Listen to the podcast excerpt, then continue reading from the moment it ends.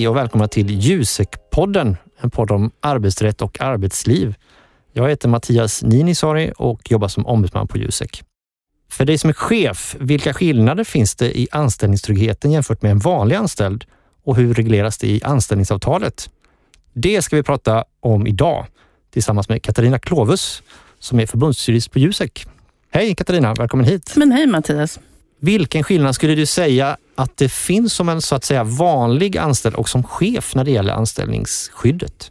Alltså du kan vara chef och omfattas av LAS, men du kan vara en högre chef om man så vill, eh, rent av VD och eh, stå utanför la, lagen om anställningsskydd, eh, alltså LAS skydd. Just det, och det tror jag att det är inte så många faktiskt som kanske vet det, att man inte omfattas av hela lagen om anställningsskydd. Eh, hur, hur, är det vanligt att du får den frågan? Ja, det är vanligt och det är vanligt att, att, att våra medlemmar inte heller vet skillnaden. Eh, men jag vill korrigera. Om du inte omfattas av LAS så omfattas du inte av någon bestämmelse där. Mm, just det. Och Det är därför det är viktigt att reglera anställningsvillkoren i anställningsavtalet.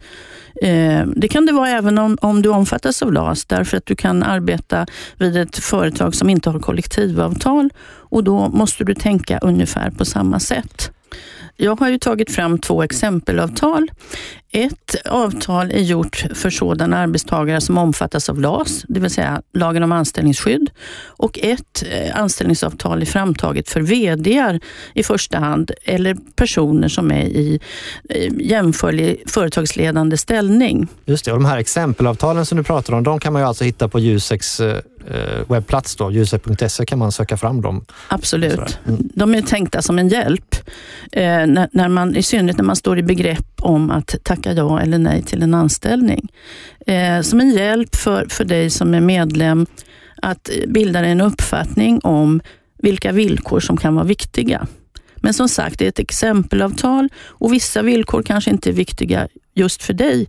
Eh, men eh, tanken är att du ska kunna läsa igenom det och återkomma till Jusek med eventuella frågor. Det här kanske är en väldigt grundläggande fråga, men det här med att ha ett skriftligt avtal, eh, är det, det kanske inte är helt självklart, tänker jag. Eh, det är många som det inte är helt självklart för. Man kan säga så här att ett muntligt avtal gäller ju också. Det är bara det att när man eh, ska få ut sin rätt eh, och bara har ett muntligt avtal så blir det ofta tvist. Och då är det på det sättet att den som påstår att man har ett visst anställningsvillkor eller rent av en anställning måste bevisa det. Ja, svårt att bevisa kanske om det bara finns i ord. Ja, det går inte att bevisa om det mm. står ord mot ord och Nej. du inte har någon, någonting annat. Mm. Så därför är det viktigt med ett skriftligt avtal. Det är ju för all del också viktigt eh, för din egen del, därför att eh, du tecknar eh, oftast ett anställningsavtal och arbetar flera år hos arbetsgivaren. Det är få människor som kommer ihåg vad man egentligen hade för anställningsvillkor mm. om det är muntligt. Mm, mm. Vi ska prata mer specifikt om eh, de personer som är VD och som inte omfattas av LAS. Men jag tänkte vi skulle börja lite och prata om när det gäller så att säga, vanliga chefer då som, som omfattas av eh, lagen om anställningsskydd och eh, vad det är för skillnad mellan dig som chef och anställd som inte är chefsposition. Vad skulle du säga att är den mest grundläggande skillnaden? Den grundläggande skillnaden är att eh, om du arbetar vid ett företag som har kollektivavtal så omfattas du av det om du är så kallad vanlig chef som omfattas av LAS. Och du omfattas också av LAS regler förstås. Och, och det innebär ju att de inte kan säga upp dig, bland annat på godtyckliga skäl. Det mm. krävs alltså saklig grund. Mm.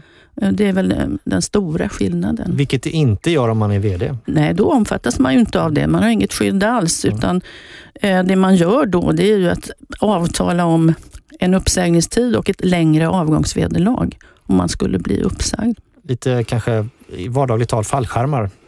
Ja, kan man kalla det. Men det är också istället för det skydd du, du annars skulle få om, mm. du, om du omfattades av lagen. Så det, det är i sig inget konstigt. Nej. Eh, du säger det här med eh, att du som chef då, då, då ska du också leda och fördela arbetet för de andra anställda. Och vad, vad kan man säga om det, skillnaden eh, när det gäller anställningen som chef? Ja, alltså, som chef är du ju, som vi brukar kalla det, arbetsgivarens förlängda arm. Eh, och på så vis så, så krävs det ju eh, om man säger att arbetsgivaren har ett förtroende för, för ditt agerande som chef och att du är, verkligen är lojal eh, mot arbetsgivaren. Lojalitetsplikten gäller ju även för vanliga arbetstagare. Men som chef ställs det högre krav eh, när det gäller eh, lojaliteten mot, mot din arbetsgivare. Kan man till och med säga att eh, anställningsskyddet är svagare ju högre upp så att säga, organisationen man är? Eftersom man har, eh, man har ett större... Det är viktigare med ett större förtroende för chefen Ja, det, det, det är ju så att ju högre upp i hierarkin, brukar man säga, eh, som, som du befinner dig, desto eh, högre krav på lojalitet krävs det att du visar. Så att anställningsskyddet är svagare där. Mm. Man kan ställa högre krav på en chef helt enkelt än en vanlig anställd? Eh, absolut, mm. absolut. Vi ska prata om några olika saker som kanske är vanligare i chefers avtal, men, men även förekommer i andra avtal också. Det, du nämnde lojalitetsplikten och sen är det ju en annan som jag stöter på mycket är ju konkurrensklausuler om man är, är på en hög nivå i ett företag och även värvningsklausuler och det finns en hel del saker som, som också finns i de här eh, exempelavtalen som du pratar om. Om vi börjar med lojalitetsplikten. Vad rent konkret innebär den om du ska ge några exempel? Ja, vi brukar säga att det finns en ömsesidig lojalitetsplikt. Eh, du ska vara lojal mot din arbetsgivare som arbetstagare och i gengäld så får du lön. Du ska utföra mm. ett arbete eh, i enlighet med vad arbetsgivaren eh, vill, det vill säga i enlighet med hur arbetsgivaren leder och fördelar arbetet. Just det. Kan det innebära till exempel att man inte får säga vissa saker om sin arbetsgivare? Alltså en tumregel är ju att när ett beslut väl är fattat i organisationen ska du inte kritisera det utan ställa dig lojal mot det. Det gäller för övrigt alla mm. arbetstagare. Jättebra, men, men om vi pratar om det här då med eh, konkurrensklausuler, för det har ju också, eh, tänker att det är väl kopplat till lojaliteten, att man inte ska konkurrera mot sin eller med sin arbetsgivare. Vad, hur kan en sån klausul se ut? Alltså, för det första så är det ju så att i din anställning får du inte konkurrera med din arbetsgivare. Det har ingenting med konkurrensklausuler att göra, utan det hänger samman med lojalitetsplikten. Enda undantaget är ju om du får ett, ett godkännande ifrån din arbetsgivare att göra det. Det händer ju i stort sett aldrig, men om du skulle få det så rekommenderar Jusek att du får ett skriftligt medgivande. Sen när vi kommer till konkurrensklausuler som är någonting annat, för de eh, gäller ju för tiden efter det att anställningen har upphört. Eh, så brukar arbetsgivaren vilja ehm, föra in sådana klausuler för att hindra arbetstagaren att eh, egentligen utnyttja företagshemligheter. Mm. Om man nu ska hårdra det. Eh, att, att utnyttja de kunskaper du har fått i egenskap av arbetstagare. Och där är det ju så att eh, tanken med konkurrensklausuler är ju inte att de ska användas generellt som de gör till stor del, utan de ska användas just i förhållande till personer som har en nyckelfunktion, eh, kanske arbetar med utvecklingsfrågor eh, som är extra skyddsvärda. Just det, mm, så att det, det eh, om man ska sammanfatta det du sa så man kan inte konkurrera med sin arbetsgivare under tiden man är anställd såklart, när man är under lojalitetsplikten. Men sen finns det ett sätt att förlänga man kan säga förlänga lojalitetsplikten eller åtminstone förlänga skyddet för arbetsgivaren att inte tappa affärer till exempel genom att man, tar med, man som anställd efter man har avslutat sin anställning tar med sig en kunskap som man kan Ja, som man använder. Man kanske går till ett konkurrerande företag mm. eller startar ett eget företag. Det får man mm. alltså inte göra om man är bunden av en konkurrensklausul. Sen kan det finnas konkurrensklausuler som inte eh, anses skäliga, men det avgör ytterst domstol eller skilje genom skiljeförfarande. Vad bra att du nämnde det här med skiljeförfarande, för det kanske inte alla som vet vad det är. Kan du berätta skillnaden om man har en skiljeklausul eller inte i ett avtal? Alltså man kan ju tvista om innehållet i ett anställningsavtal på två sätt, alltså rättsligt. Och det ena är att man går till allmän domstol, det är tingsrätt, eh, Arbetsdomstolen i förekommande fall. Eller så kan man överenskomma om i anställningsavtalet att det ska avgöras genom skiljeförfarande. Eh, skiljeförfarandet kan man säga det, det är tänkt att vara snabbare, men det är inte alltid fallet. Framförallt så är det så att det är dyrare, för där får du betala även för ledamöternas kostnader. Det kan bli oerhört kostsamt. Och där är det faktiskt så att vi har en rekommendation i kommentarerna till, till, eh, till förslag om skiljeförfarande, att man inte ska godta det utan vidare. Och, och, är det så att man vill godta det så ska man se till att arbetsgivaren står samtliga kostnader oavsett utgången i, när det gäller tvisten. Skulle man lite slarvigt nu då kunna säga att det är som en privat domstol som ja, avgör? Ja, men mm. så kan man väl säga. Det är i och för sig reglerat i lag, men mm. det kan mm. man säga. Om vi går in lite djupare på vad, hur en konkurrensklausul kan se ut. Jag tänker hur lång tid eh, ska den gälla? Vad är konkurrerande verksamhet? Eh, ska man ha en ersättning under tiden? Hur, hur ser det ut? Ja, det, det, finns ju ett kollektivavtal som ska tjäna som någon slags måttstock när det gäller bindningstid. Det vill säga hur länge ska den här eh, konkurrensklausulen gälla? Och där, där är det reglerat att som huvudregel så ska den inte gälla längre än 18 månader. Eh, I så fall krävs det särskilda skäl. Men normalt sett, eh, i normala fall, så ska den inte gälla längre än nio månader. Och eh, om man ska skriva under en sån klausul så är det också så att man ska se till att få ersättning mm. med minst 60 procent av sin månadslön. För en sån här klausul innebär ju i realiteten ett yrkesförbud under den här tiden som, som den gäller. Jag tänker att det kan väl vara så också att om man är väldigt specialiserad så det kan vara svårt att få ett eh, jobb som inte innebär att det är konkurrerande Ja, det, det, kan det vara. Eh, och då är ju rekommendationen eh, att, eh, att du som, som eh, råkar ut för detta vänder, sig till, vänder dig till Jusek för att få råd.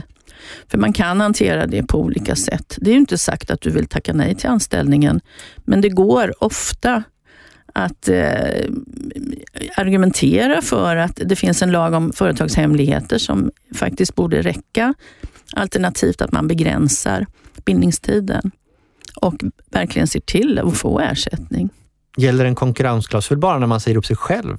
Nej, det finns andra situationer. Eh, om arbetsgivaren säger upp dig på grund av personliga skäl, det kan röra sig om samarbetsproblem, eh, brottsliga handlingar och så vidare, då gäller den också. Enda gången den inte gäller är när arbetsgivaren säger upp dig på grund av arbetsbrist. Och Det betyder ju inte brist på arbete utan det betyder exempelvis att företaget ska läggas ner eller omorganiseras. Och sen eh, slutligen så gäller den ju inte heller när en domstol eller en skiljenämnd har förklarat den ogiltig. Mm. Men det viktigaste är ju att, att notera att en konkurrensklausul som du har skrivit på och godtagit, den gäller som utgångspunkt. Eh, och Det är bara domstol och skiljenämnd som kan eh, förklara den som oskälig. Och Då ska man veta också att det tar väldigt lång tid innan du får ett sådant avgörande. Så i stort sett så går det aldrig att pröva den frågan. Eh, Ytterligare en sak som är, som är besvärande i de här sammanhangen är ju att arbetsgivaren ofta vill kombinera eh, konkurrensklausulen med viten. Det vill säga att du ska betala en viss summa pengar, ofta motsvarande visst antal månadslöner, varje gång du bryter mot klausulen. Det kan bli en dyr affär om man bryter mot den. Det kan det verkligen bli. Mm. Ofta så ser man ju i samband med konkurrensklausuler, inte alltid, men ofta att det finns värvningsklausuler. Kan du berätta lite mer om dem? Ja, värvningsklausulerna går ju ut på att du inte eh, under en viss tid får värva dina gamla eh, arbetskamrater eh, till en ny verksamhet. Och Sådana klausuler är relativt vanliga och också ofta kombinerade med viten. Så man kan alltså inte starta upp ett nytt företag och sen ta med sig de kollegorna man tycker man vill ha med sig över till sitt nya, eh, sin nya bolag helt enkelt? Nej, det kan du inte om du har en värvningsklausul. Mm. Nu ska vi prata lite mer om det här när det gäller vd-avtal och eh, de personer då som inte omfattas av LAS överhuvudtaget. Ehm, och eh, då, då pratade vi innan om att man, att man inte behöver ha saklig grund för uppsägning. Eh, och då tänker jag att vi kanske, ska, vi kanske ska gå lite djupare på vad saklig grund innebär också. Ja, saklig grund, det, det finns ju regleringar om i, i eh, LAS. Eh, och Det går ju ut på, mm, lite förenklat, att man inte ska kunna bli uppsagd eh, av godtyckliga skäl. Det finns vissa skydd. Eh, och det skyddet finns inte för VD eh, eller personer som är i företagsledande eller jämförlig ställning. Det finns inte alls. Det betyder alltså att eh, det är egentligen helt godtyckligt för styrelsen att avbryta anställningen omedelbart för en, när man vill byta VD till exempel för ett företag? Ja, så, mm. så är det. Mm. Och Det behöver inte ens vara så att man är osams eller att VDn har gjort något konstigt, utan det räcker med att nu vill man byta, man vill ha en ny profil till exempel. Eh, är det någonting mer man ska tänka på eh, som, som VD just eh, utöver att avtala fram ett, ett, ett avgångsvederlag om man behöver sluta? Finns det några ytterligare sådana saker som är viktigt att få med i det här avtalet? Ja, alltså i exempelavtalet så finns det ju många punkter som man ska tänka på att få med och det, det finns kommentarer i det också som talar om varför Eh, Eh, sen är det upp till en själv eh, vad man tycker är viktigast. Det kan ju finnas någon annan, eh, något annat anställningsvillkor som man vill få igenom som inte nämns i, i det här exempelavtalet. För det är som sagt bara exempel. Men står du begrepp att teckna ett anställningsavtal som VD så är rekommendationen läs det här exempelavtalet och kommentarerna och hör av dig till Jusek. Hur ser det ut med eh, eh, pensionsavsättningar och den här typen av saker som finns i, ofta om man har kollektivavtal? Omfattas man av kollektivavtalets eh, pensionslösningar till exempel? Det kan man göra om det finns ett kollektivavtal, men det förutsätter att man reglerar det i anställningsavtalet. Vanligast är att man hittar egna privata lösningar när det gäller tjänstepension. Och eh, Det är också eh, kutym att en VD eh, ska ha något bättre villkor än en så kallad vanlig arbetstagare. Mm. Och När det gäller arbetstid, omfattas man av arbetstidslagar? Arbetstidslagen gäller ju, men, men alltså, när det gäller en VD eh, så är ju den personen satt att utföra ett visst arbete och det är ju en ganska utsatt position. Eh, så att eh, det finns inga, inga eh, regleringar om detta i exempelavtalet mm. av det skälet. Mm. Sen, sen får man ju ta ansvar för sitt eget, sin egen hälsa naturligtvis. Mm. Om man ska försöka sammanfatta det här vi har pratat om nu, vad skulle du säga är det viktigaste man ska ha med sig som, som lyssnare? Jag tycker att man ska se till att få ett skriftligt anställningsavtal. Och innan du skriver på, hör av dig till Jusek så får du skräddarsydd eh, information och bollningshjälp. Bra, då ska jag bara säga att eh, avslutningsvis att man kan hitta de här två exempelavtalen som du har pratat om, det vill säga det här för dig som är VD och inte omfattas av LAS och för dig som är anställd och omfattas av LAS. Det hittar man på jusek.se. kan man söka upp dem där. Tack så hemskt mycket Katarina för att du kom hit. Tack själv.